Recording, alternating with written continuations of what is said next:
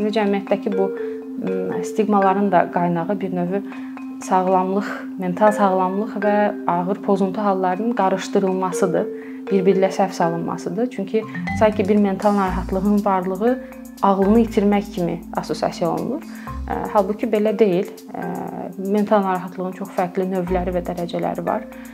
Bir insanın çox düşünməyi, ağlına xoşa gəlməz düşüncələrin gəlib bunu ağıldan çıxarda bilməməyi,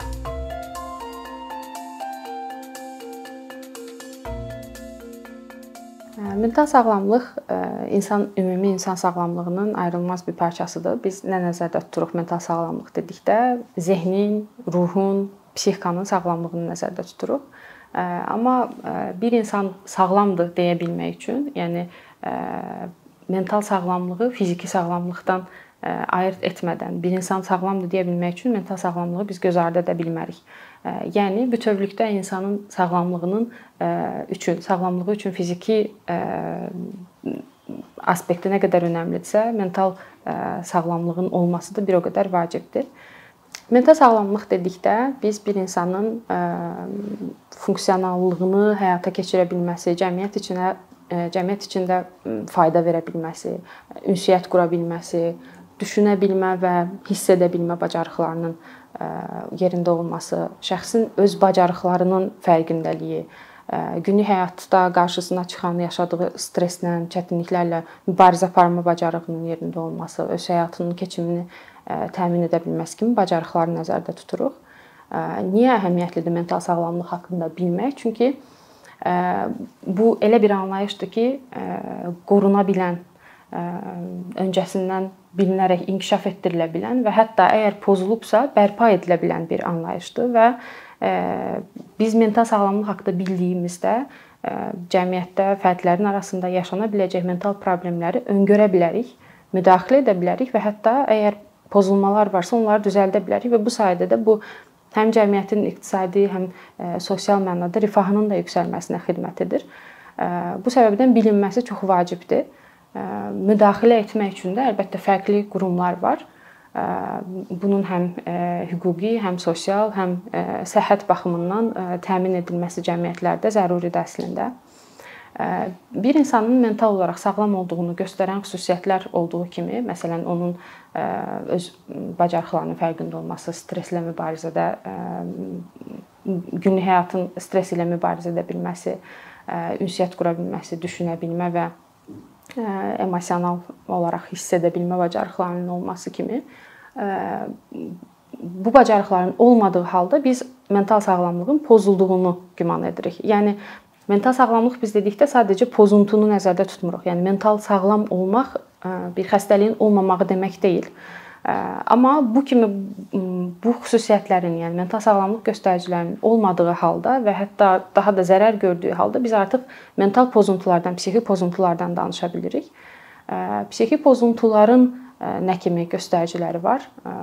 Bu saydığımız əlamətlərin olmaması və hətta şəxsin artıq cəmiyyətdə öz rolunu, öz funksiyasını icra edə bilməməsi, həyatdakı o funksionallığa davam edə bilməməsi, işləyə bilməməyə aid ola bilər buna, ünsiyyət qura bilməmə, akademik mənada, sosial mənada uğursuzluqlar yaşamasını aid edə bilərik.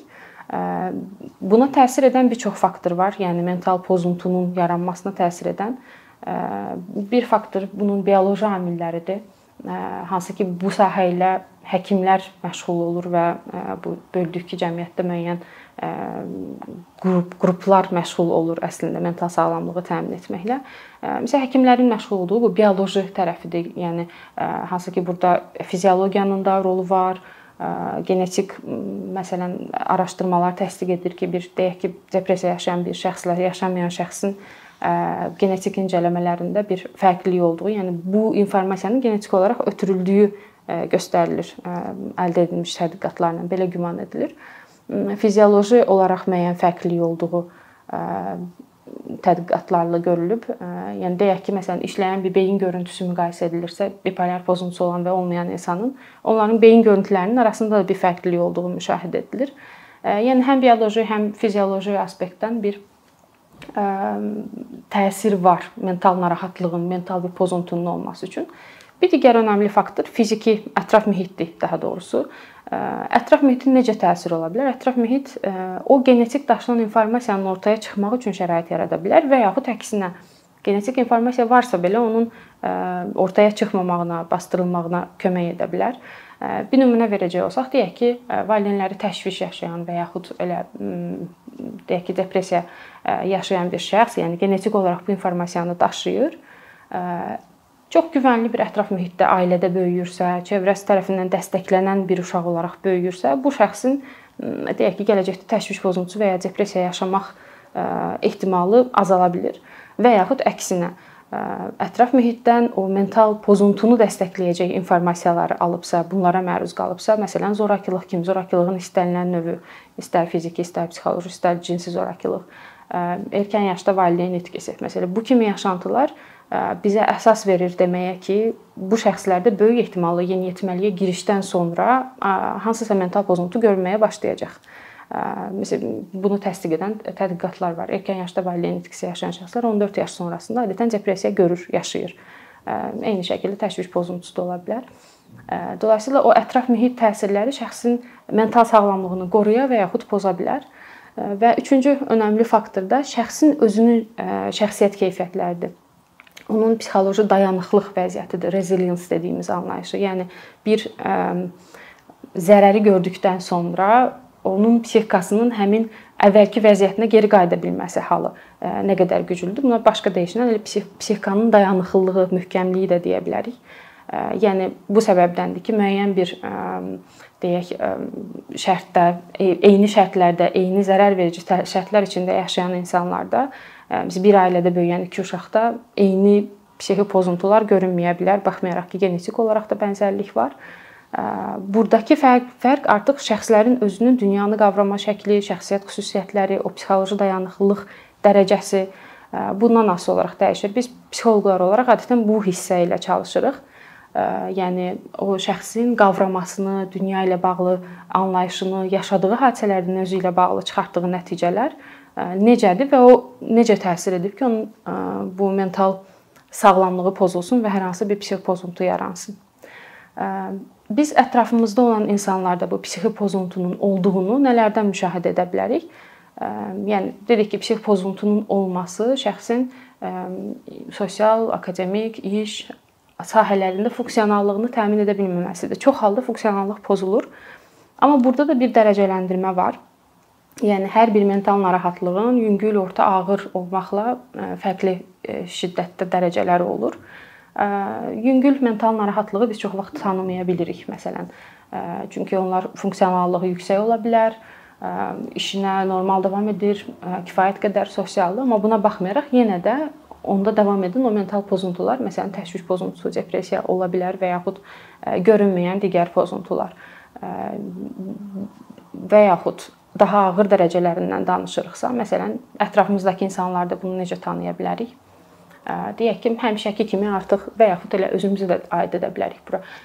Həmişəki kimi həyatdan artıq zövq almır, əvvəlki maraqları ilə məşğul olmur, dəyişməyə başladığını görürük, ünsiyyəti çox azalır, özünə qapanmağa başlayır, təlaş halı çox yüksəkdir, yəni heç cür özünü güvəndə hiss etmədiyini görürük və ya özümüz hiss edirik olmayan bəzən düşüncələrin ağla gəlməsi, hətta gözlə görünməsi, qulaqla eşidilməsi bir əlamət ola bilər. Və yaxud bəzən də ruminativ davranış dediyimiz davranışı etmək nədir bu? Yəni zehnə təkrar-təkrar gələn narahat edici düşüncələr, hansı ki, onu təkrar düşünüb həll etməyə çalışır insan. Məsələn, təşviş pozuntularında, depressiyada çox rastlanan haldır. Yəni xoşa gəlməyən hadisələri təkrar-təkrar çox uzaq keçmişdə belə düşündüyünü görürüksə, bu da bir əlamət ola bilər yaxınlarımızın və ya özümüzün bir mental narahatlığı olduğuna. Bundan əlavə də daha belə deyək də fərqli bir müdaxiləni tələb edən, məsələn, nevroloqların, psixiatrların da müdaxiləsini tələb edən, deyək ki, əgər inkişaf pozuntuları varsa və yaxud nevroloji sinir pozuntuları varsa, Alzheimer, demensiya, epilepsiya kimi xəstəliklərdə Bunlar artıq daha açıq bir şəkildə özünü göstərən belə deyək, pozuntulardır, amma yüngül olan pozuntularda və ya günlük həyata davam etməni çox da pozmayan həyata davam edən şəxslərdə bunu tanımaq daha çətindir. Və bu səbəbdəndir ki, o yüngül psixi pozuntu və ya ortada ola bilər də psixi pozuntu yaşayan insanlar əgər funksionallıqları pozulmayıbsa, normal həyata davam etdikləri üçün ətraf tərəfindən anlaşılmamış hiss edə bilirlər. Tənqid olunur kimi hiss edə bilirlər.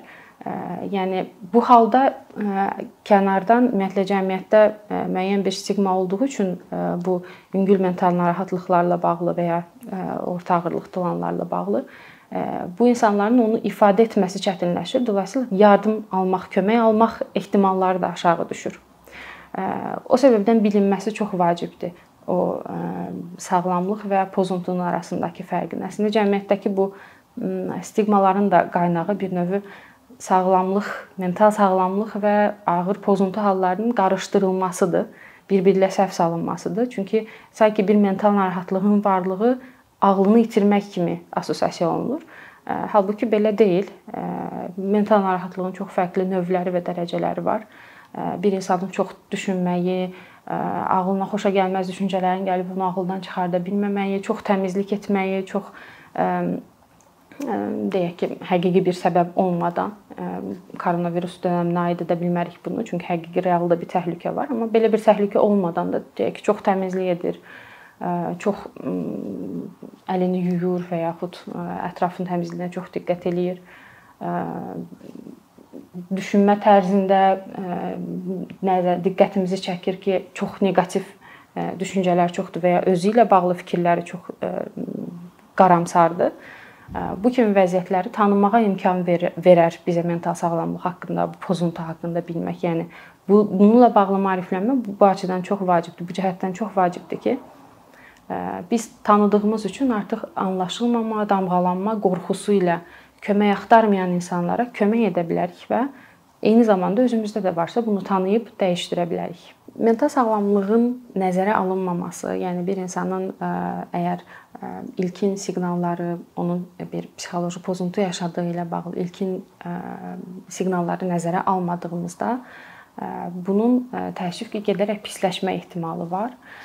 Məsələn, ilkin mərhələdə deyək ki, məktəb dövründə bəsit bir imtahan təşvişi ilə başlayan təşviş irəliləyən dövrlərdə artıq insan içinə çıxa bilməmək, işləyə bilməmək, münasibət qura bilməmək, tamamilə özünə qapanıb izolyasiya olmaq kimi ağır nəticələrə gətirib çıxara bilər və yaxud depressiyanın yüngül simptomlarını əgər müşahidə ediriksə, bunun tədricən o şəxsdə mərhələli şəkildə irəliləyir. Bu arada birdən-birə məsələn çox ağır adətən görmürük.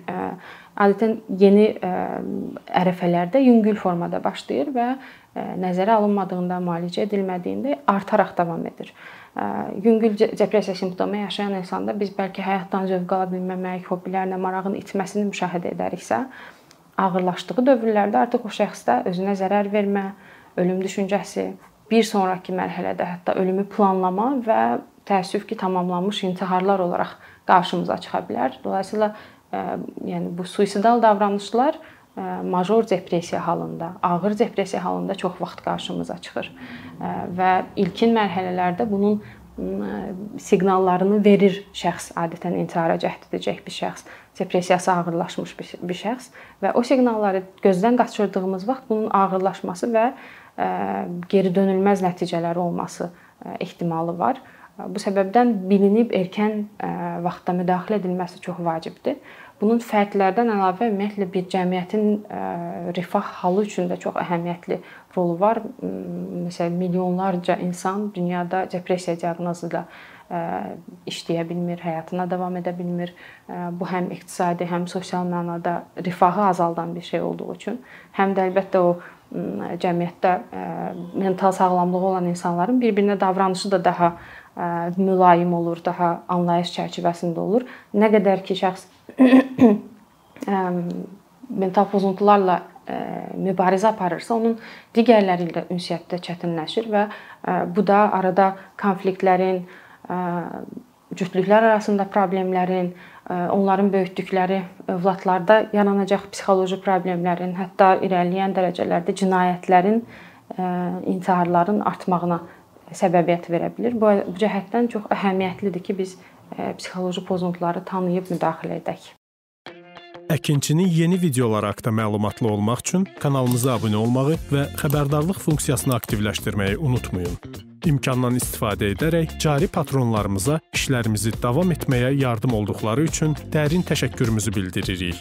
Əkinçinin Patreon icmasının üzvü olaraq siz bizim təşəbbüsə dəstək göstərməklə bərabər hazırladığımız materialları hər kəsdən öncə izləmə imkanı əldə edəcəksiniz.